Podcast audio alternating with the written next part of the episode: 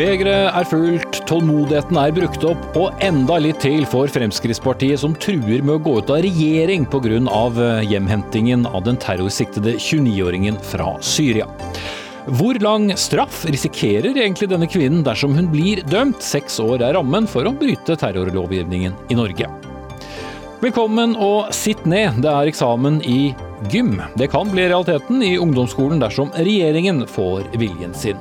Og bruker du datingapp? Vel, gratulerer. Personopplysningene dine blir trolig solgt videre.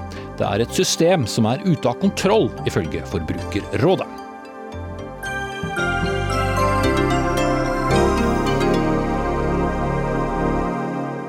Riktig god kveld og velkommen til onsdagens Dagsnytt 18. Jeg heter uh, Espen Aas. Og det har uh, vært litt av en dramatisk politisk uh, ettermiddag i kongeriket, for Fremskrittspartileder Siv Jensen truet med å gå ut av regjering dersom ikke partiet får solide gjennomslag for sine saker i regjeringssamarbeidet. Og bakgrunnen for det hele er alt raseriet innad i Fremskrittspartiet over hjemhentingen av den terrorsiktede 29 år gamle moren fra Syria sammen med hennes to barn barn. Og dette sa partileder Siv Jensen etter et to og et halvt timers langt krisemøte i partiets stortingsgruppe. Eh, tro meg, jeg har i mye lengre tid gitt uttrykk for dette også overfor eh, våre tre samarbeidspartnere, eh, om at nå er tiden overmoden for at vi kjenner igjen hvert av de fire regjeringspartiene med tydeligere gjennomslag i den politikken som utøves fra regjeringens side. Derfor har jeg nå sagt at vi vil definere noen veldig tydelige krav eh, overfor eh, statsminister Erna Solberg og Høyre. Og så er det i grunnen opp til henne eh, om hun vil eh, ta det på alvor, eller om hun ikke vil ta det på alvor. Vårt beger er fullt. Um, vi kommer ikke til å ville sitte i regjering for enhver pris. Uh, så nå er det egentlig litt opp til eh, Erna og Høyre Eh, hvordan de vil eh, møte disse kravene fra oss, som vi kommer til å fremsette ganske raskt. Ja, Vi har i hele ettermiddag hatt eh, tett kontakt med Fremskrittspartiets kommunikasjonsrådgivere med et uttrykt ønske om å få enten Siv Jensen eller noen andre fra partiledelsen i studio. Det var det visst ingen som kunne. Men eh, politisk kommentator Magnus Akvam, eh, du kommer rett fra Stortinget hvor du har fulgt uh, dette møtet. Det var ganske rene ord fra Siv Jensen. Hvor reelt er det at de faktisk kan komme til å, å trekke seg fra regjeringssamarbeidet? Det er selvfølgelig veldig vanskelig å si. Eh, hvis du på en måte skal gjette, så, så vil jeg vil jeg uh, tro at man i, i, siste instans nøler veldig med det. Men det er ingen tvil om at uh, Siv Jensen etter min mening her har uh, undervurdert reaksjonen i eget parti. Den kommer fra skal vi si, alle fløyer, ikke bare de som vanligvis reagerer sterkest når det gjelder kompromisser omkring innvandringspolitikk, f.eks. Så det hun har forsøkt å gjøre nå i og med dette møtet, og denne tiden som da skal gå fram til et sentralstyremøte i slutten av januar, er jo å forsøke å ta regien over prosessen og ikke framstå som en leder som blir presset av eget parti til, til å, å, å, forhandle. Eh, men det, et, det var en eh, oppsiktsvekkende forestilling og en meget kraftig kritikk av egen statsminister, som jo av Siv Jensen ble beskyldt for å eh, gi KrF og Venstre altfor stort eh, gjennomslag. Så hun skaper seg, også med disse kravene hun sier de skal fremme, en, en fallhøyde som, som, hun etter hvert da må forklare når fasiten ligger der. Mm. Politisk redaktør i Dagens Næringsliv, Kjetil Alstaheim. Er det saken eller tidspunktet som er det viktige for Fremskrittspartiet nå? Vi så jo i går på en partimåling hos TV 2 at eh, til og med SV hadde så vidt eh, gått forbi eh, Fremskrittspartiet. Ja, så den Krisen for partiet i oppslutning har jo ligget her en stund. Vi har sett at de sliter, på, sliter med oppslutningen. Og så er spørsmålet om, om dette er en, en, et forsøk på å håndtere en sterkere reaksjon i partiet enn det Siv Jensen forutså, eller om dette er en plan. Eh, hun har jo visst at dette kunne skje. eh, At det var en vanskelig operasjon. Det var jo ikke sikkert at den ville lykkes. For hun har jo visst om det i flere måneder. Hun har visst om dette i flere måneder. eh, Og når hun nå velger å gjøre det til en, et oppgjør om hele regjeringsprosjektet, ikke bare denne isolerte saken og komme med et krav som handler om innvandring f.eks., men å stemple hele regjeringsprosjektet som grått og kjedelig, eh, så, så taler det, eh, slik jeg hører det, for at dette er noe mer enn en krisehåndtering fra Siv Jensens side. Det er et, et strategisk eh, grep for enten å få noen nye gjennomslag, eller faktisk å gå ut av regjering.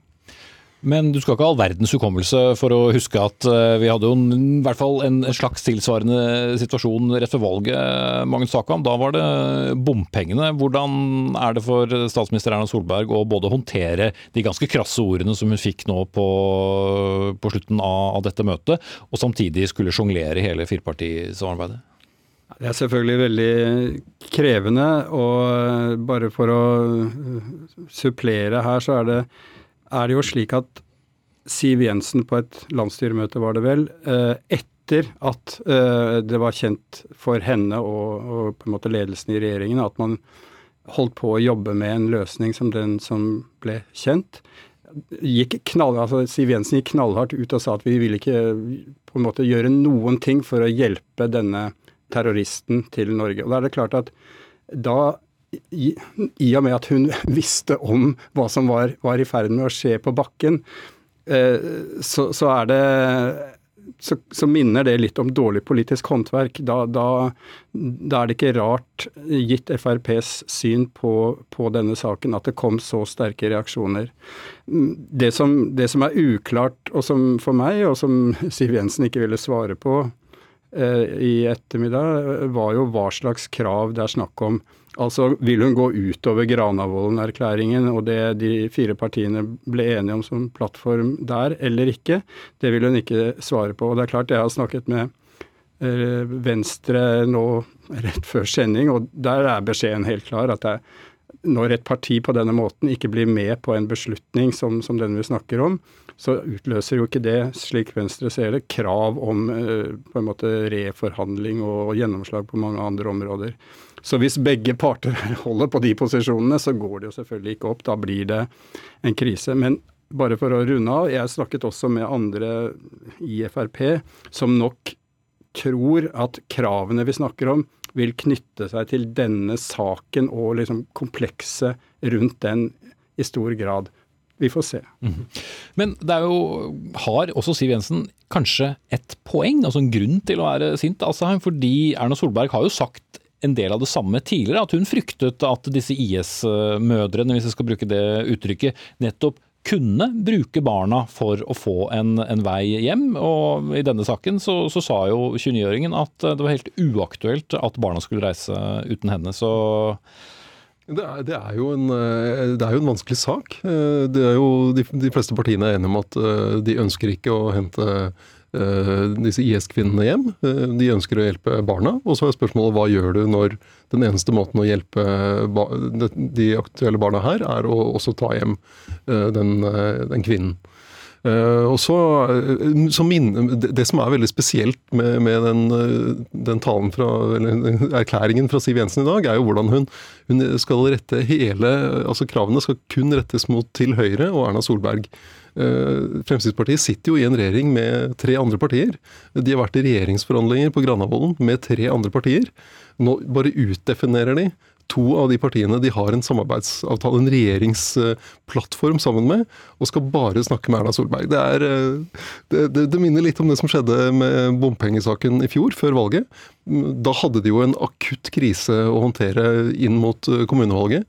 Nå lager de den krisen enda mer på egen hånd enn det de gjorde da. Hvis vi skulle tatt Siv Jensen da på alvor og se for oss at Fremskrittspartiet skulle bryte ut av regjering, rent hypotetisk, Magnus Hakan, hva slags parti skulle det bli? Skulle de da spille på lag med opposisjonen? Ville vi sett et Fremskrittsparti som likevel måtte stemme med den regjeringen de nettopp hadde gått ut av, både for budsjett og politiske saker? Det er vel heller ingen nødvendigvis en god situasjon for Fremskrittspartiet frem mot valget i 2021?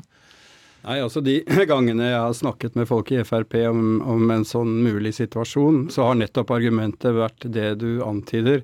At en ting er å være rasende på regjeringen og, og Venstre og KrF sine gjennomslag, men du må også ha en exit-strategi eller en plan for hvordan du skal håndtere en situasjon hvis du går ut, som du, du spør om. Og det tror jeg rett og slett eh, ikke de har. For eh, hva skjer da? Ja, da har du en trepartiregjering som ikke har i hvert fall flertall i Stortinget. Skal Frp være et støtteparti rundt budsjettene osv., eller vil Erna Solberg eh, overlate dette til Jonas Gahr Støre? Altså det, det, blir på en måte så mange spørsmålstegn at jeg tror ingen der har, har, har tatt det helt inn over seg. Mm. Eh, og så har vi da Venstre, eh, og, og, den aldri hvilende Abid Raja er jo ute nå i dag og sier at han vil, vil gjentar da, at han vil hente hjem eh, alle mødrene. Så det er jo, de hviler jo ikke på den siden heller. I hvert fall ikke Abid Raja. Han har jo vært uh, veldig aktiv i den debatten. Uh, i, i, vi har en sak ute nå på DN.no om at Utenriksdepartementet reagerte på, på, hvor aktiv han var, og mente det skapte problemer for, for det å håndtere de sakene. Så det, det eh, Og så er spørsmålet om hva som skjer da med Frp hvis de skulle gå ut av regjering nå. Jeg tror jo mest sannsynlig at de ikke gjør det, men så, Men da må du få noen innrømmelser, da? Ja, og, og begrunne at de er ja, gode? Og, ja, nettopp. Og sin, sier at dette var bra nok. Men hvis de da går ut, så tror jeg det er slutten på Siv Jensens eh, æra i Fremskrittspartiet. Hun klarte å gjøre det til et regjeringsparti. Hvis de nå går ut, så tror jeg hun kommer til å overlate roret til noen andre. Og så kan de drive eh, knallhard opposisjon eller eller et eller annet sted mellom opposisjon og samarbeidsparti eh, fram til valget eh, neste år. Mm. Men samtidig, helt slutt, Magnus Håkon, så er jo også Siv Jensen den som gang etter gang etter gang har forsvart det samme regjeringssamarbeidet og sier at vi får mye mer gjennomslag på å sitte i regjering. Så kommer da dette på akkurat denne saken? Altså, jeg tror at årsaken til at hun er så knallhard, er at hun må, må være det fordi eh, reaksjonene internt i partiet er, er, så sterke. Hun må på en måte stille seg på, på lag på, ved siden av dem og, og være like sint. Eh, hun sa jo også i denne sammenhengen at de hadde, fått gjennomslag på, på, mange, mange områder. Det jeg tror var en sånn ekstra provokasjon for en del i Frp, var at Kristelig Folkeparti og Venstre, da denne nyheten eh, ble kjent, på en måte eh, kommuniserte at det var en seier eh, for dem, liksom. Og det var det reaksjoner på, og, og forsterket liksom konfliktnivået mellom Frp og, og, disse to partiene. Og så er det ingen tvil om at måten denne nyheten ble kjent på, ikke var slik de hadde, hadde, håpet på, rett og slett, at det ble eh, lekkasjer om, om, dette tidligere enn det regjeringen hadde sett for seg. Og da, da kom nyheten også på en måte som, som, eh, som var lite gunstig, hvis du, hvis du ser det fra, fra Erna Solberg sitt ståsted. Mm.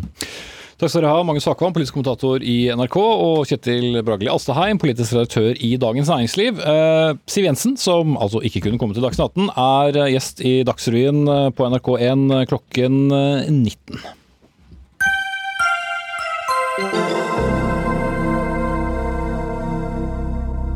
fortsetter innenfor eh, skal vi si, samme saksunivers. For eh, selve sakens kjerne, eller stridens eh, kjerne om du vil, handler jo om den 29 år gamle kvinnen. Som jo dukket opp i flyktningleiren i april i fjor, etter å ha oppholdt seg i IS-kontrollert territorium i Syria siden 2014. Hun er altså på vei til Norge, og hva skjer når hun kommer hit, utover at hun skal bli pågrepet av PST, som de har bekreftet uh, i dag. Men uh, kan hun noen gang vende tilbake som et vanlig medlem av det norske samfunnet igjen? Det er mange spørsmål, det er ikke sikkert vi får svar på alle, men vi skal prøve å bli litt klokere med panelet som vi har i studio nå. Begynner med deg, Sofie Høgestøl, førsteamanuensis ved Juridisk fakultet på Universitetet i Oslo. og Du har skrevet om nettopp straffeforfølging av fremmedkrigere. Hva er det IS-kvinnen rent konkret blir siktet for. For eh, det er norske lover, og det er internasjonale lover, så la oss forsøke å rydde opp litt. Det er et komplekst lovbilde, men i Norge så er hun siktet for å delta i en terrororganisasjon, som er et straffebud som kom inn i straffeloven i 2013. Da er vi ganske tidlig ute hvis vi ser på de andre landene i Europa med å kriminalisere akkurat det. Og det betyr at da kan man straffølges ikke bare for å ha aktivt gjort terrorhandlinger, men også med overordnet for å delta i en terrororganisasjon. Og Det er det forholdet hun har siktet for så langt. Mm. Um, og der, så er, som du sier, så er Norge litt tidligere ute. Mm. I andre land så har de ikke noen muligheten til å forfølge nødvendigvis eh, ja. IS-kvinnene etter egne landslover. Den boken jeg ga ut om fremmedkrigeres straffeforfølging, var sammen med en svensk kollega. Og i Sverige eksempel, så har de ikke da uh, kriminalisert deltakelse så tidlig som det vi har gjort. De holder på å prøve å gjøre det nå. Uh, men det medfører jo at der kan man ikke straffølge Man har ikke vært i stand til å straffølge mange av de fremmedkrigerne som har returnert. Det har ikke vært tilfellet i Norge fordi at vi har hatt dette lovverket klart ganske tidlig. Og så ser vi også at fordi at deltakelse er mer, et, et, et videre begrep da, strafferettslig, så betyr det at man også allerede har fått domfelt en kvinne for forsøk på å delta i en terrororganisasjon. Mm. Og det var en kvinne som var på vei ut på vei av Norge. Ut av landet, ja. mm. Så dette blir jo sånn sett en ny sak. Eh, en kvinne som, eh, som kommer tilbake. Mm. Hva slags straff kan det innebære? da? Vel, det Straffebudet har en strafferamme på seks år. Og så vil det jo komme an på det som blir avdekket i løpet av etterforskningen som skal skje nå, og, eh, og med tanke på hvor alvorlig den deltakelsen vedkommende da er anklagd for å ha gjort, har vært. Mm. Eh, og seks år vil jo da noen tenke det hørtes veldig lite ut. Mye av retorikken er jo hva slags person mm. er det vi får tilbake til samfunnet. Vil eh, hun utgjøre en fare for norske borgere osv. Er det da andre måter å straffeforfølge IS-kvinner på? Ja, altså overordnet, og ikke om henne spesifikt, men overordnet så er det jo slik at vi i Norge fikk inn i 2008 eh, straffebud som går på krigsforbrytelser, forbrytelser mot menneskeheten og folkemord. Det vil si at hvis en norsk statsborger har begått en av disse handlingene i Syria, så kan vi teoretisk sett straffeforfølge de for det. Det som er vanskelig når det kommer til akkurat de forbrytelsene der, det er jo at da må påtalemyndigheten kunne bevise det i en straffesak i Norge, hva man har eventuelt gjort i Syria. Og det er ganske vanskelig. Det, det er nok et litt annet bevisbilde da enn det å bevise at noen har deltatt i en eh, terrororganisasjon. Mm. Uh, og for all del, vi skal da ikke drive noen form for uh, verken domstol eller rettsprosess i, i Dagsnytt 18-studio, men vi skal prøve å uh, hvert fall snakke litt generelt om dette. Og statsadvokat Fredrik Ranke, det er jo da dere som har ansvaret for denne straffeforfølgingen da, av krigsforbrytelser og andre alvorlige forbrytelser begått i utlandet. Hvordan jobber man konkret? Der er det jo Kripos som har en egen seksjon for internasjonale forbrytelser som uh, samler bevis for å se om man har bevis mot personer som oppholder seg i Norge, som, som uh, har vært i Syria og eventuelt gjort seg skyldig i slike forbrytelser. Men utfordringen er at det er vanskelig å avdekke slike bevis. Mm.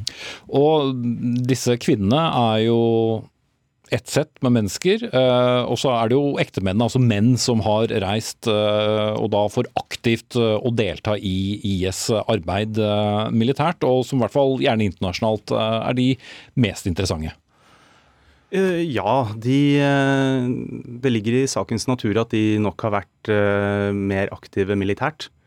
Og etter hvert som situasjonen i Syria og Irak roer seg, så har jo organisasjoner samlet inn såkalt battlefield evidence. Dvs. Si DNA og andre bevis som jo politiet kan sjekke opp mot uh, norske fremmedkrigere. Uh, og der har vi jo flere saker, mens vi når det gjelder uh, kvinnene så har vi én sak. Men du har jo selv uh, da jobbet med flere av, av disse straffesakene. Ja, det stemmer. Men i de sakene vi har hatt for norsk rett, så er det som Høgestål påpeker, ikke vært bevis for konkrete terrorhandlinger. Uh, det er selvsagt at, uh, at, politiet har sett efter slike bevis, men de har ikke, har ikke dukket opp. Mm. Og Det vil da også bli utfordringen i denne saken og lignende saker dersom uh, de kommer senere? Ja, det er en utfordring hvis man skal forfølge disse personene for noe annet enn deltakelse. Mm. Men det er jo ikke slik at uh, påtalemyndigheten hopper over gjerdet der det er lavest. Uh, det er rett og slett at man så langt ikke har funnet uh, slike bevis. Mm. Og i det komplekset så gjelder da i så fall en, en strafferamme da på, på maks seks år? Det stemmer, eh, bortsett fra at mennene jo i stor grad også har blitt tiltalt for terrorforbund og dømt i stor grad for terrorforbund, som har en strafferamme på ti år, slik at man får en, en uh, totalstrafferamme på 16 år i de sakene. Mm. Men med kvinnene som ja, mer eller mindre forteller det samme historien om at de har blitt lokket til og blitt med mennene sine, reist for kjærlighetens skyld eh, osv., så, videre, så vil det da eh, stille en del sterkere krav til å, å, å, finne beviser for å få dømt det på samme måte? Ja, Det vil være vanskelig å kunne avdekke at de har hatt en militær funksjon med rekruttskole osv. Som, som mennene har hatt. De, mange av dem har vært hjemme. Men så er det vel også en del uh, sånn moralpoliti og slike ting. Men uh, det opp mot terrorhandlinger og forbund vil nok være en utfordring. Mm. Eh, litt av retorikken som har gått politisk er jo mange har sagt la oss ikke få disse menneskene hjem. Det er bedre om de blir stilt for en internasjonal domstol. Men Høgestøl, vil det være det samme som at de ville fått en mer passende straff? Og, det, og er disse kvinnene da igjen interessante nok? Ja, altså, Jeg skrev doktorgraden min om hvordan internasjonale straffedomstoler velger saker. altså Hvordan de velger hvem de skal ta ut tiltale mot. Og det man ser er at Hvis vi ser på de internasjonale straffedomstolene som har vært så langt, så har de egentlig bare hatt penger til å gå etter de mest ansvarlige forbryterne. Og det er det, da 1 av alle de som man tenker har deltatt i den konflikten. Og Det betyr at man har veldig sjelden gått på et lavere nivå enn toppledelsen. Og Det medfører at selv om man skulle Det, er jo ikke, eh, det, ser jo ikke ut til å være noe appetitt internasjonalt for å få til en internasjonal straffedomstol i Syria, men selv om man skulle fått det i morgen, så medfører jo ikke det at man nødvendigvis ville sett saker mot eh, f.eks. da kvinner eller folk som har vært lenger nede i hierarkiet. For det er ikke det en internasjonal straffedomstol hovedsakelig gjør. De tar toppforbryterne. Mm. Gunnar Mekke Løve Slydal, du er da assisterende generalsekretær i Den norske Helsingforskomité. og Dere jobber jo da for at krigsforbrytelser begått i, i Syria og andre steder skal kunne bli straffeforfulgt eh, i Norge. Men hva ser dere for dere skal da være mulig, hvis vi ser det litt eh, overfra og prinsipielt? Ja, for det første så er det jo ikke bare IS som har begått overgrep. Det er viktig å holde fast på at det er et komplekst overgrepsbilde. Og vi, jeg tror vi kan snakke om en straffrihetskrise. For det er virkelig få som blir straffa. Det er noen som blir straffa i Irak, men der har du problemet at de kan få dødsstraff, og rettssikkerheten er dårlig. Så du har en situasjon med enormt mange forbrytelser, og noen av dem er begått av folk med tilknytning til Norge. I en sånn situasjon, hvor det ikke er noen andre aktører som egentlig realistisk sett kan gjøre noe, så mener vi at Norge bør spille en aktiv rolle. Og det betyr i praksis at man ikke bare skal sitte og si at det er vanskelige saker, for det vet jeg at det, det, er det. Men man må rett og slett eh, samarbeide med andre land, med FN, som driver systematisk innsamling av bevismaterial, og gjøre så godt man kan. For det i seg sjøl et signal om at man aksepterer ikke en sånn uh, straffrihet som vi har i dag i Syria. Eh, så det du sier da, er at det vil være viktigere å hente folk hjem og, og straffeforfølge dem, enn at de blir værende? Det er et paradoks her, og det er at Fremskrittspartiet de er veldig opptatt av å sende forbrytere ut av Norge. Dette er altså personer fra Norge som har gått forbrytelser i et annet land. Det er jo logisk da at vi tar dem tilbake og gjør den innsatsen som skal til, så godt som mulig for å straffeforfølge dem. Men så blir det da argumentert med at det er vanskelig å bevise ting, er det ikke da også en fare for, da, eh, sett f.eks. med Fremskrittspartiets øyne, at de samme personene kan bli frikjent eller få veldig korte straffer, eh, og så eh, bli en del av det norske samfunnet igjen? Det er en risiko i en, i en rettsstat at noen blir frikjent, ut fra bevisestilling.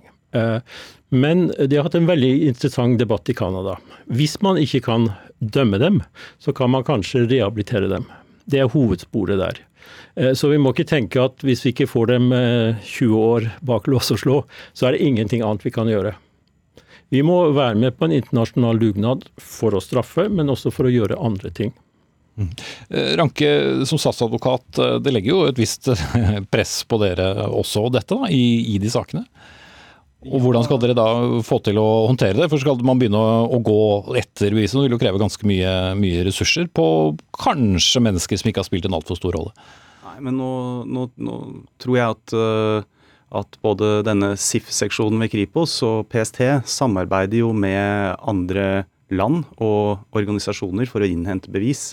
Og både ja, påtalemyndigheten ser jo veldig alvorlig på disse sakene. og, og uh, Og man forfølger jo slike, slike, spor for å se om man kan finne bevis av denne, denne sorten. Mm. Og det er ressurser nok til å eventuelt håndtere flere slike store saker dersom det skulle bli aktuelt?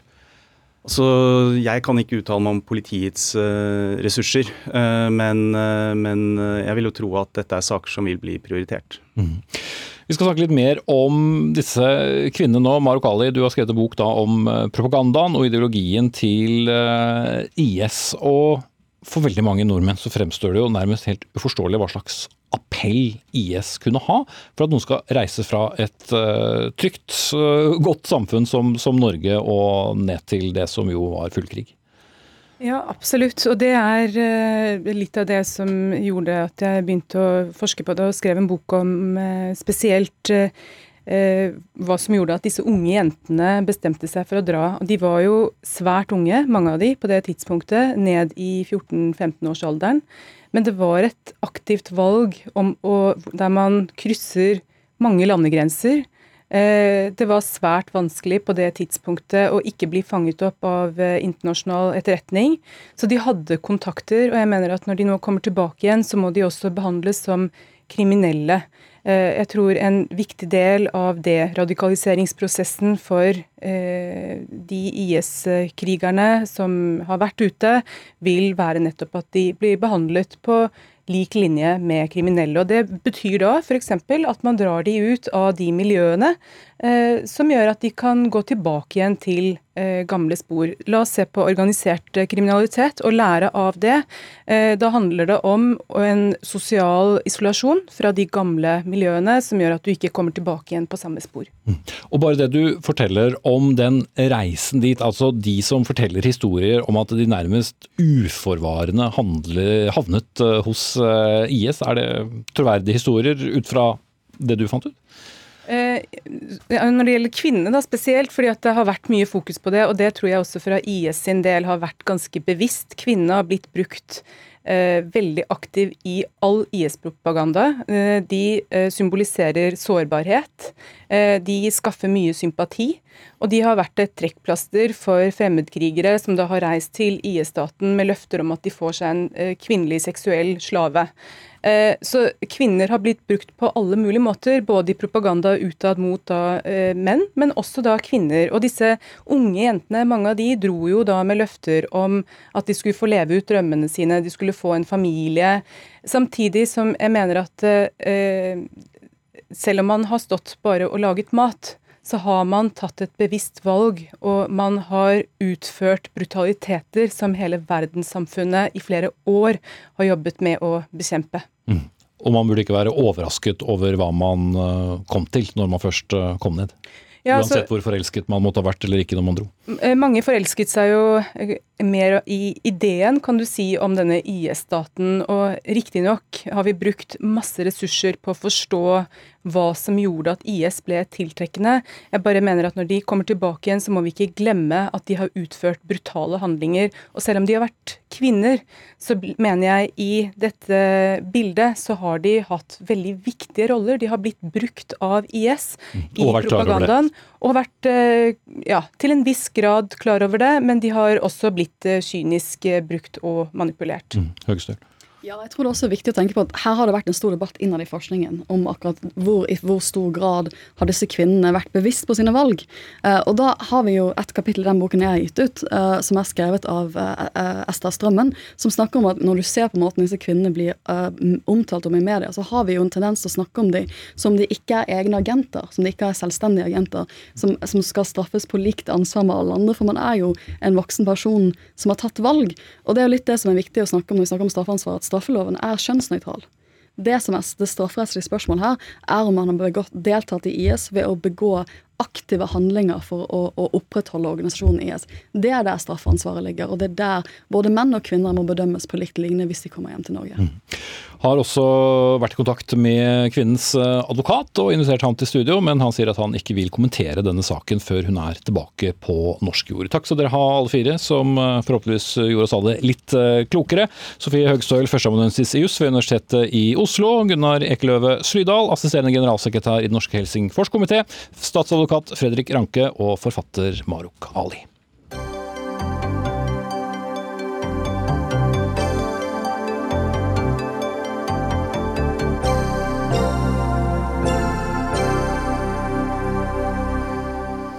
Klokken er straks eh, halv sju. Du lytter til Dagsnytt 18 senere i sendingen. Fylkeskommunene kan få mer ansvar for de regionale teaterne. Det er rå maktmisbruk, ifølge en kommentator i Nordlys. Men helt feil, svarer kulturministeren. Det hele handler om desentralisering. Men nå.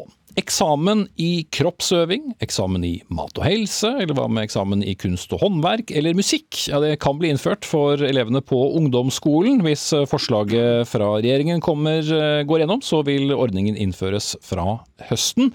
Men første kull som kan komme opp i fagene, er elever som går ut av ungdomsskolen våren 2022. Og det er altså regjeringen eh, som har sett forslaget ut på høring. Og Jan Tore Sanner, stadig kunnskaps- og integreringsminister, hvorfor trenger vi eksamen også i praktiske og estetiske fag? Bare helt eh, kort om bakgrunnen først. Eh, vi fornyer jo nå skolens eh, innhold ved at det blir nye læreplaner i alle fag. Fra første klasse og til og med tredje på videregående. Mm.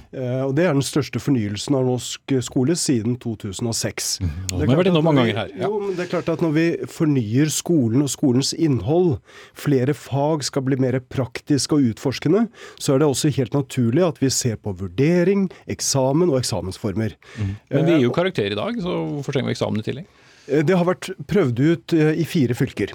Det er fire fylker som har prøvd ut eh, da en, en muntlig eksamen lokalt gitt i de praktisk-estetiske fagene. Og Den vurderingen som da er gjort etter at man har gjennomført dette, er veldig positiv. Blant elevene så er det faktisk 77% som mener at dette burde egentlig alle ha. Eh, blant lærerne så er det over 80% som sier at dette bidrar til å øke også statusen til de praktiske estetiske fagene. Vi har varslet dette over lang tid. Vi gjorde det i stortingsmeldingen om fagfornyelsen. Vi gjorde det i, eh, i strategien for å, for å, styrke de praktiske estetiske fagene. Og bare la meg si at dette betyr ikke at du kommer opp i flere fag eh, i ungdomsskolen. Men det er flere mulige fag å komme opp i? ja, ikke sant? Fordi at i, i, i ungdomsskolen så kommer du opp i ett skriftlig norsk, engelsk eller matte og ett muntlig. Og da mener vi at du skal ha en praktisk muntlig eksamen hvor du da enten kan komme opp i samfunnsfag, KRLE eller mat og helse. Men dere som er så opptatt av basisfagene, matte, norsk osv., hvorfor vil du at noen da heller skal ha en muntlig eksamen i mat og helse?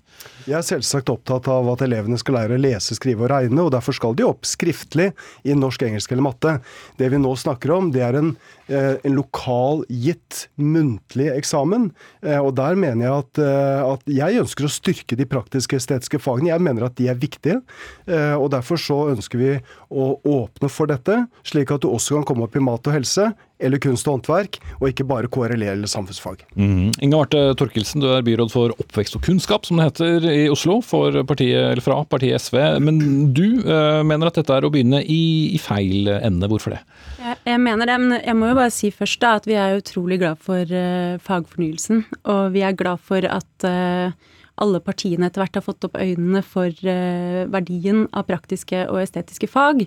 Så den delen er du for? Ja, og jeg syns også at det argumenteres så veldig bra ofte fra, fra Jan Tore Sanner som kunnskapsminister for de fagene. Og det ofte i motsetning til hva jeg opplever lokalt fra Høyre i Oslo, da. Det må sies, det er ganske stor kontrast, men jeg heier på det fra uh, Sanner.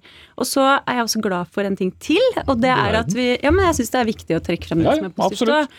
Selv om jeg mener det ikke går langt nok, så er det allikevel bra at man nå ser på uh, hvordan eksamen skal gjennomføres, da, selv om vi ønsker å gå lenger fra Oslo sin side, med å få lov til å gjøre det som Ungdommens bystyremøte har bedt oss om, nemlig å søke om å få prøve ut uh, mappevurdering isteden. Eh, for eh, eksamen. Altså du kan gjennom hele året, eller de årene som du har faget, vise fram de arbeidene, samle opp arbeidene, så får du en vurdering til slutt. I stedet for en eksamen? Istedenfor eksamen. For det som er problemet med eksamen eh, Nå blir den riktignok nå antagelig myka litt opp, ikke sant, sånn at det blir mer rom for å gjøre det mer praktisk og muntlig osv. Det tror jeg er veldig klokt. Det er en riktig, det er riktig retning, da. Så er det allikevel sånn at veldig mange elever er dypt fortvila over at én dags prestasjon kan ødelegge så mye for dem seinere. Men sånn er det jo med eksamen? Ja, og sånn har det vært i alle år. og Jeg var mot det da jeg var ungdom også. Vi tok opp det den gangen som jeg var aktiv eh, ungdomspolitiker og aktiv i Elevorganisasjonen og sånne ting. Men eh, den gangen fikk vi ikke gehør i det hele tatt. Nå begynner liksom debatten å nærme seg at man i hvert fall lytter litt mer til elevene. Og det syns jeg jammen meg er på tide. Så du syns egentlig det er bra, da, eller er jeg blitt for irritert? Nei, for eh, man kan jo både være positiv til en retning og samtidig mene at noe annet eh, ikke er så klokt. Eh, og det som jeg er veldig bekymra for, det er jo en teoretisering av de praktiske og estetiske fagene. For det kan skje hvis du innfører eksamen i de fagene her også. Eh, for da skal du jo da kunne teste dem på noe. Og det vi har sett da med eksamen i de andre fagene, og som har vært kritikken, det er jo at du blir veldig opptatt av det som kan måles. Eh, det du kan undersøke om de kan prestere på en dag. Og hvis det skjer med de praktiske og estetiske fagene, så risikerer vi to ting. Det ene er enda større fall i motivasjonen til elevene, som allerede har en ganske lav motivasjon, særlig på tiende trinn. Og det andre er et enda sterkere stress og press i skolen, som i dag allerede tenderer mot å være helseskadelig, og det er jeg imot. Ja, For å bare prøve å se for meg hvordan det fungerer da, Sanner. Så Si at du er eh, ikke så god i regning, eh, lesing og, og engelsk, men fantastisk god i å spille fotball og innsats. Så skal du få en muntlig eksamen eh, i gym. Kan du ikke heller risikere at du da ender opp med en dårligere karakter enn de fysiske eh, prestasjonene? Så hvor ligger oppsiden? Jeg syns det er veldig bra hvis elever som er mer praktisk anlagt, også får mulighet til å vise sine ferdigheter gjennom en eksamen. Mm. Men du skal vel ikke spille en god kamp? Nei da. Nei da. Eh, fordi at Det vi legger til grunn her, er at det skal være en såkalt muntlig praktisk eksamen. Det betyr at du har 45 minutter. Eh, og nå er det ikke departementet eller direktoratet som, eh, som, lager de eksamensoppgavene, men for å ta noen tenkte eksempler, da. Hvis du kommer opp i mat og helse, kanskje du skal forberede en meny for, for et sunt middagsmåltid. Eller i kroppsøving, hvor vi nå også legger større vekt på Eh, på, på, glede ved å være aktiv og også bruke naturen. Kanskje man skal planlegge gjennomføringa av en tur i skog og mark. Eller eh, som vi også nå har fått inn i de nye læreplanene, nemlig at du skal også ha kompetansemål knyttet til livredning. At du kan prøves i, prøves i, det. Det er bare noen eksempler, og, og vi er veldig oppmerksom på at Eh, at en eksamen i eh, de praktiske estetiske fagene må være, må være, praktisk. Men når jeg ser de gode evalueringene som er av forsøkene, både blant elever, blant lærerne og skoleledere, så kan ikke jeg fatte begripet at vi skal si at nei, de praktiske estetiske fagene, de nedprioriterer vi. Der skal du ikke kunne komme opp til eksamen. Jeg ja, der, der er dere vel også enige, da? Ja, ja jeg håper det. Jeg syns jeg er litt sånn forenkla, da. Eh, for det er jo ikke sånn at eh, Eller jeg skjønner ikke hvorfor ikke du vil begynne i en annen ende. For én ting er hva du får gjennom et forsøk sånn, en annen ting er jo langtidseffektene av å gjøre noen ting. Og det har vi jo sett i de andre fagene, at langtidseffekten blir mer sånn teach. Og det som eh, jeg tenker Vi da i Oslo, vi har jo vært kjempeopptatt av i byrådet å styrke yrkesfagene, styrke de praktiske og estetiske fagene, men også arbeidsformene i de andre fagene. Og kvitte oss med en del gammelt tankegods som er sånn hvis du skal lære å lese, skrive og regne, så må du eh, satse mest mulig på det som kalles for basisfagene. Men heller se at det fins mange veier til rom. Og det å gi elevene mestringsopplevelser, læringsglede, det å kjenne at de kan noen ting, men også det å eh, liksom få kobla sammen da, det du øver på i, i f.eks. musikk over i matte. Vi vet at det henger sammen. Prestasjoner i de fagene her. Det kunne vi gjort mye mer. Og da er det tre ting som burde vært gjort mer av. Og det er mer tid. Eh, ikke sant? Flere, eh, ti, eh, få opp timetallet i disse fagene. Det andre er jo at vi må ha kompetansekrav. Fordi at det er massevis av ufaglærte lærere. Og det tredje er at vi må få utdanna flere, og der har vi heldigvis pressa regjeringa på plass gjennom Stortinget, sånn at de må utdanne flere lærere. Snart, du må svare kort på det, Sanner. Jeg syns jo det er veldig fint hvis SV også er for kompetansekrav. Det har vi nå gjennomført i norsk, engelsk og matte. Det å, det å ha, jo, nei, altså det å ha de grunn, grunn, grunnleggende ferdighetene mener jeg er helt, helt avgjørende. Og så er SV og Høyre åpenbart uenige når det gjelder vurdering og eksamen. Jeg mener Svar på det jeg spurte om, da. For det er jo ganske viktig med tid, kompetansekrav og flere lærere utdanna som er faglærte. Jo da, og, og vi, vi, vi, vi, satser på videreutdanning av lærere, og særlig innenfor de praktiske estetiske fagene. Nei, fordi at det er regjeringens men prioritering. Er okay, ja, men, men det som er eh, ditt problem, Inga Marte Torkelsen, det er at hvis du skal ha flere timer til de praktiske estetiske fagene, blir det mindre timer i norsk, engelsk og matte. og Der er vi åpenbart uenige. Det må ikke bli det, og vi må ikke sette opp det som en motsetning. Det må styrke hverandre. Nå har det i hvert fall Ja, ok riktig Byråd for oppvekst og kunnskap eh, i Oslo fra SV, og Jan Tore Sanner, kunnskaps- og integreringsminister fra Høyre.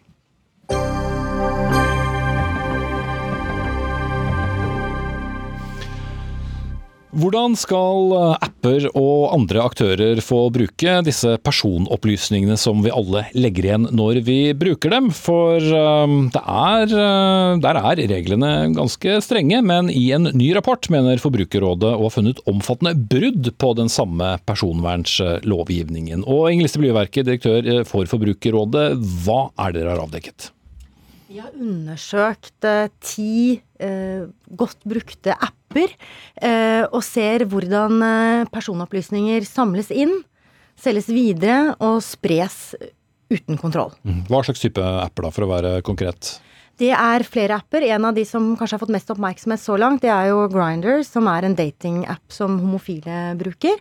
Eh, Men vi har også funnet dette i apper som mensenapper eller eh, sminkeapper for unge jenter.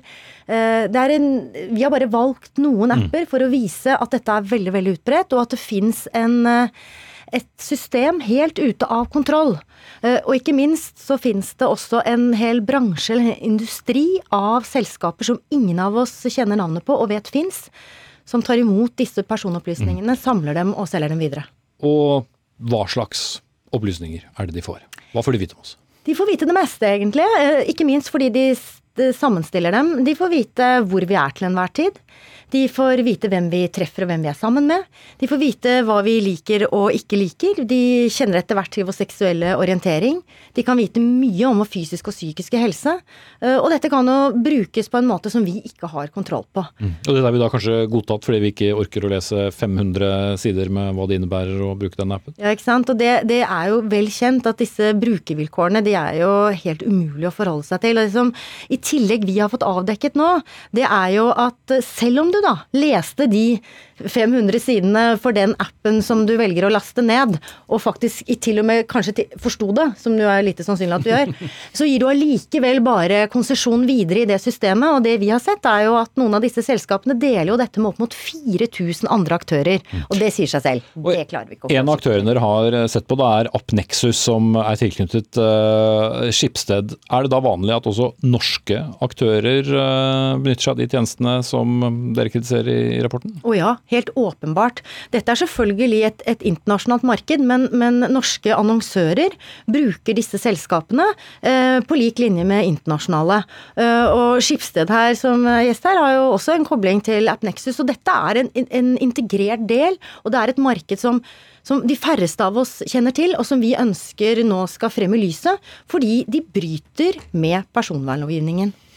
Ja da, Ingvild Næss, personverndirektør i Skipsted, eh, så lurer jeg på, jeg har i hvert fall tre, kanskje fire Skipsted-apper på telefonen min. Hva er det jeg eh, legger igjen av personopplysninger eh, når jeg browser Finn, VG eller Aftenposten?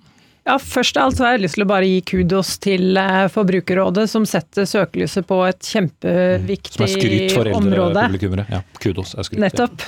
Eh, og som eh, du sier, vi har apper som VG, Finn, eh, Aftenposten, hvor vi samler og bruker data. Vårt fokus er jo da å bruke data til å skape verdi. Lage bedre produkter og tjenester. Penger. Ja, det også.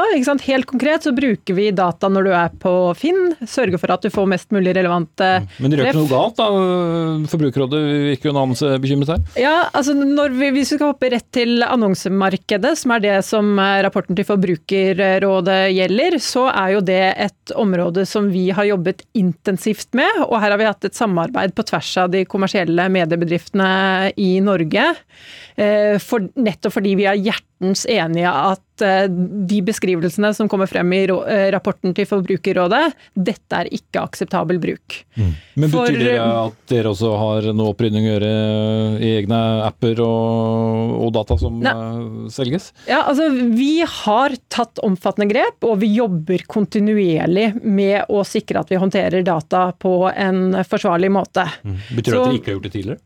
Jo, vi har jobbet med dette lenge. Jo, men det ikke har vært forsvarlig tidligere? Vi har jobbet med dette lenge, og det er et arbeid som vi, vi fortsetter. Så for vår del har jo ett fokus handlet om dataen vi selv bruker når du er inne på Finn eller VG. Og klare å informere godt og tydelig til våre brukere om hva som skjer, og gi effektive valgmuligheter. Og ikke minst i relatert til annonse, og ha skikkelig kontroll over hvordan data håndteres. Mm. Jeg tror ikke du får full score for å svare på spørsmålet mitt der. Eh, Grunde Almeland, stortingsrepresentant for Venstre. Eh, hva er din reaksjon på det Forbrukerrådet har avdekket her? Nei, Det som er avdekket her, er jo alvorlig. og det Tittelen på selve rapporten 'Ute av kontroll' illustrerer jo dette ganske godt.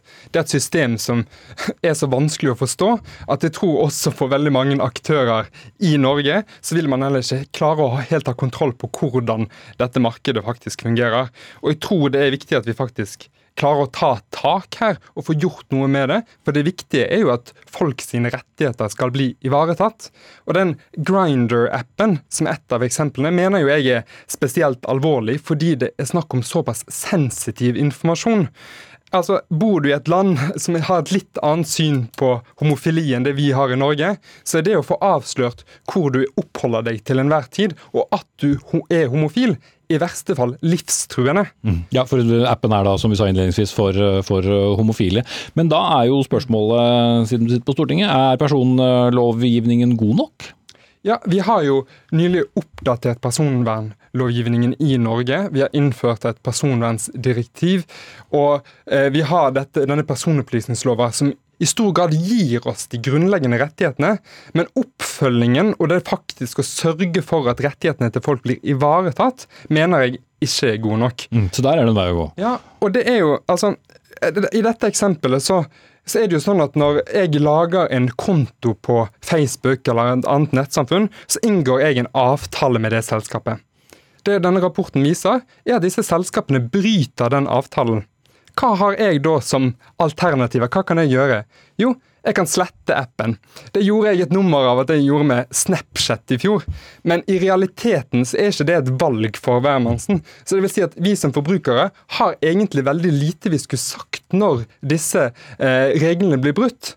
Så det er jo oppfølgingssiden her, å sørge for at dette blir ivaretatt. Det er jo komplekst, da, fordi vi har jo da kjempesvære internasjonale aktører. Men vi skal prøve å dra det hjem med blyverket. Hvordan står det til med, med våre norske aktører? Vi har jo en her. Ja, altså, det, det, nasjonale er det internasjonale, og vice versa. Og det er jo det vi eh, ønsker å rette oppmerksomheten mot her. Det uh, Forbrukerrådet har valgt å gjøre, i tillegg til at vi har fått laget denne omfattende rapporten, uh, som uh, har spredd seg verden over. 50 land har vi registrert medieoppslag om, og 30 forbrukerorganisasjoner verden over har skrevet til sine datatilsyn. Så har Forbrukerrådet i tillegg valgt å gå skrittet videre. Vi har levert inn en klage til det norske datatilsynet på Grinder og fem tilhørende selskaper, selskaper som du ellers ikke har hørt navnet på, for brudd på personvernlovgivningen. Og det blir jo eh, interessant å se hva eh, Datatilsynet da eh, ender opp med. Fordi vi er enig i at vi har et, en sterk personvernlovgivning både i Norge og i Europa. Europa. Men vi ser at det mangler en del på håndhevingen. Eh, og vi ønsker å på en måte gjøre vårt da, for å få løftet en del saker inn på det bordet, som gjør at vi kan få noen kjennelser og dommer som um, gjør at vi må rett og slett bli kvitt forretningsmodeller som så eklatant bryter mot grunnleggende rettigheter vi har. Og poenget er at du kan ikke, Det hjelper ikke engang å slette slette en app, selv om du hadde klart det. Det var det jeg skulle til å spørre nei, nei. om. Har jeg egentlig noe valg utover å sende brev? Altså, Du kan jo på en måte enten melde deg helt ut av verden, da. Eh, eh, eller så, og selv om du på en måte velger å slette apper som du har brukt, så vil de opplysningene vil jo fremdeles finnes der, og du vet ikke hvor de er. Og det er jo nettopp dette at eh, man samler inn personopplysninger om deg. Mange av dem også mye mindre sensitive enn de man er klar over. Altså seksuell orientering, det kan man jo ha en opplevelse av at, at er sensitiv informasjon. Men veldig mye av den informasjonen som samles inn, er jo i utgangspunktet litt uskyldig. I hvert fall virker den sånn for deg og meg. Ja, altså Forsiden deres på Aftenposten vet jo hva jeg liker, eh, og den flytter jo rundt på det. Og det, det, er jo sikkert bra, men den vet jo hvilke saker eh, jeg er interessert i. Nå er jo Dagsnytt interessert i alt, selvfølgelig, men altså, eh, poenget er jo det samme. Dere vet jo veldig mye om hvordan hver enkelt agerer på, på nett. Ja, og det er her nyansene er viktig. For som du sier, i dag så er det sånn at vi bruker data om hvor hyppig du er inne på Aftenposten til å tilpasse forsiden. Så hvis jeg er inne to ganger per uke, og du fire ganger per dag, så får vi en ulik forside, rett og slett for at vi skal kunne gjøre samfunnsoppdraget mest mulig effektivt. Mm. Men er det nødvendigvis bra at dere vet at ja, dere liker det, mest politikk? det har vi grunnleggende tro på. Vi skal selvsagt eh, være åpne og gi valgmuligheter rundt det, men det har vi grunnleggende tro på. Men da skal dataen brukes til det. Så vårt store ansvar, og noe av problemet som kommer frem i rapporten, er jo når data misbrukes. Brukerne forstår ikke hva som skjer, og data brukes til av andre mm. formål enn det de er innforstått med. Spennende og skummelt. Jeg må sette strek. Eh, takk til dere. Eh, Ingvild Næss, personverndirektør i Skipsted. Grunde Almland, stortingsrepresentant for Venstre. Og Inger Lise Blyverket, direktør i Forbrukerrådet.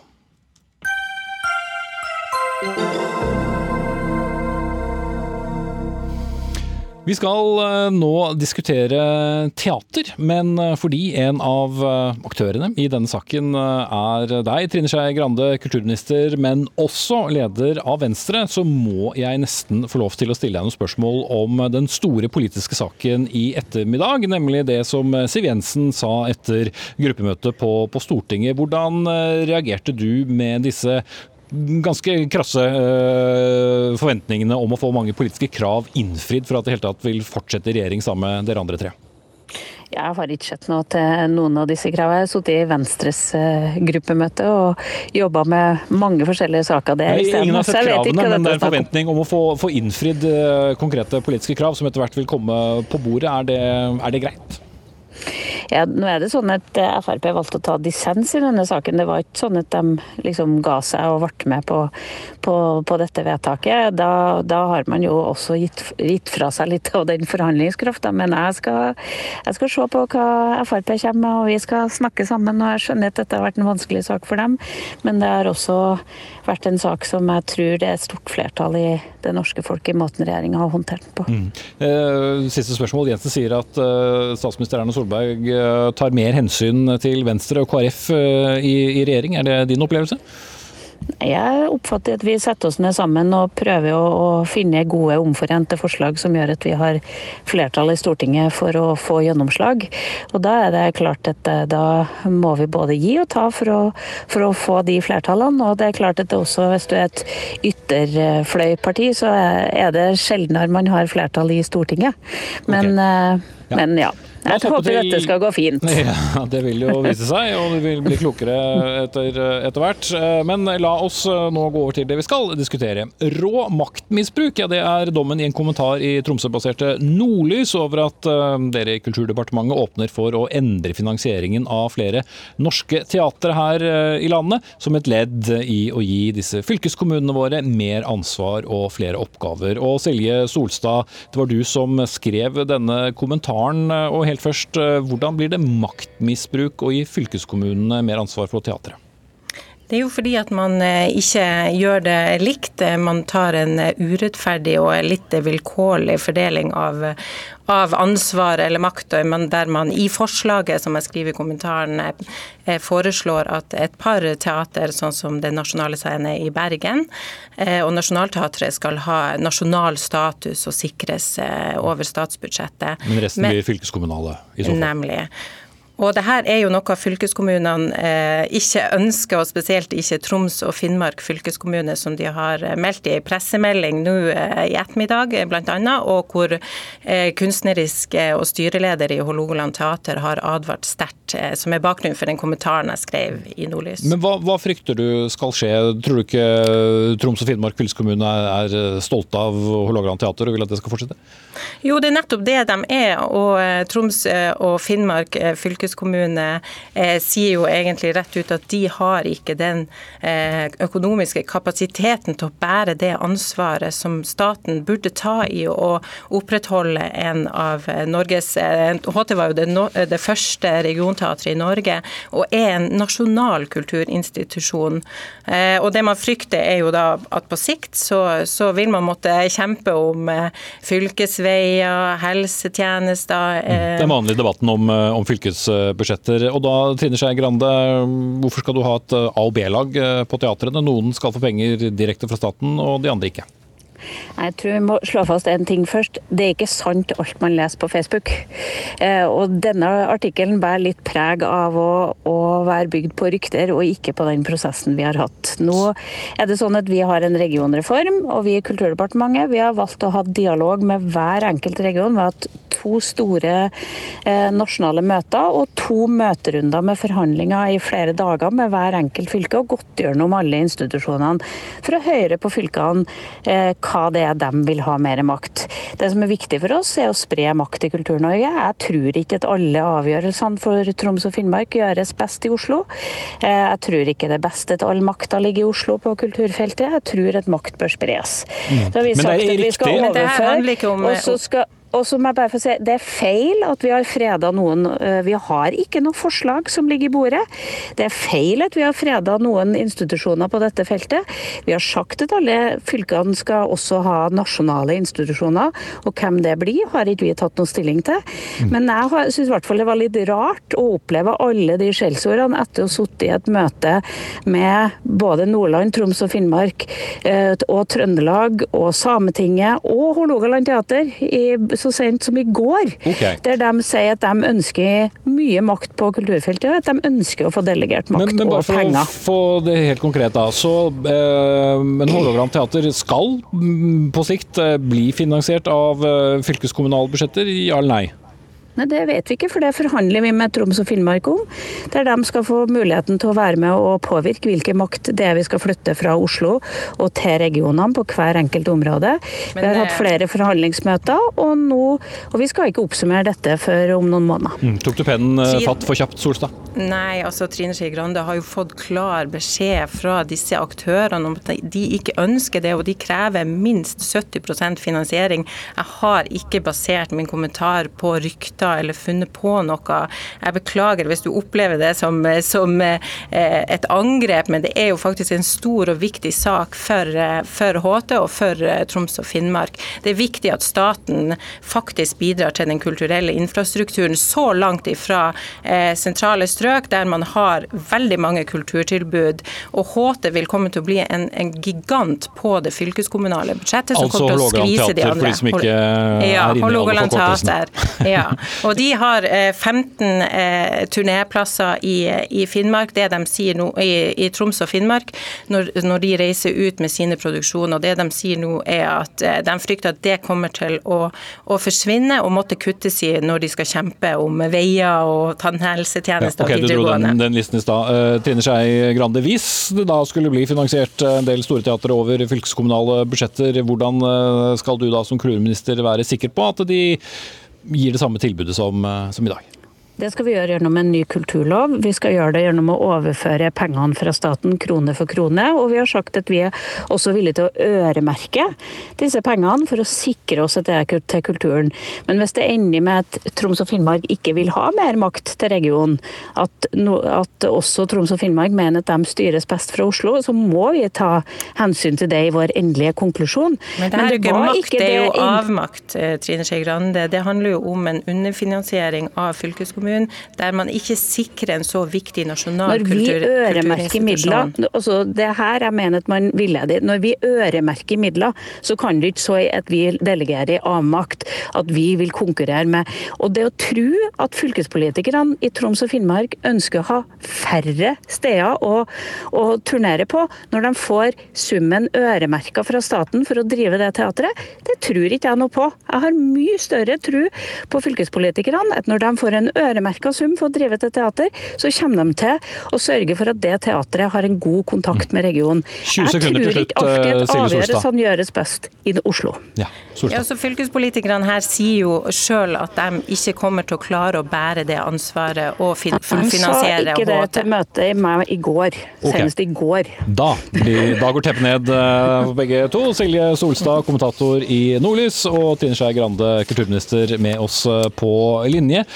Og du verden så fort 59 minutter går, dere. Vi er veis ende. Ansvarlig for denne sendingen, sendingen til og med det var Dag Dørum. Teknisk ansvarlig Finn Lie. Jeg heter Espen Aas, og ettermiddagens store politiske sak, Frp, minner igjen om at Siv Jensen altså nå straks er gjest i Dagsrevyen på vår søsterkanal NRK1 på fjernsynet.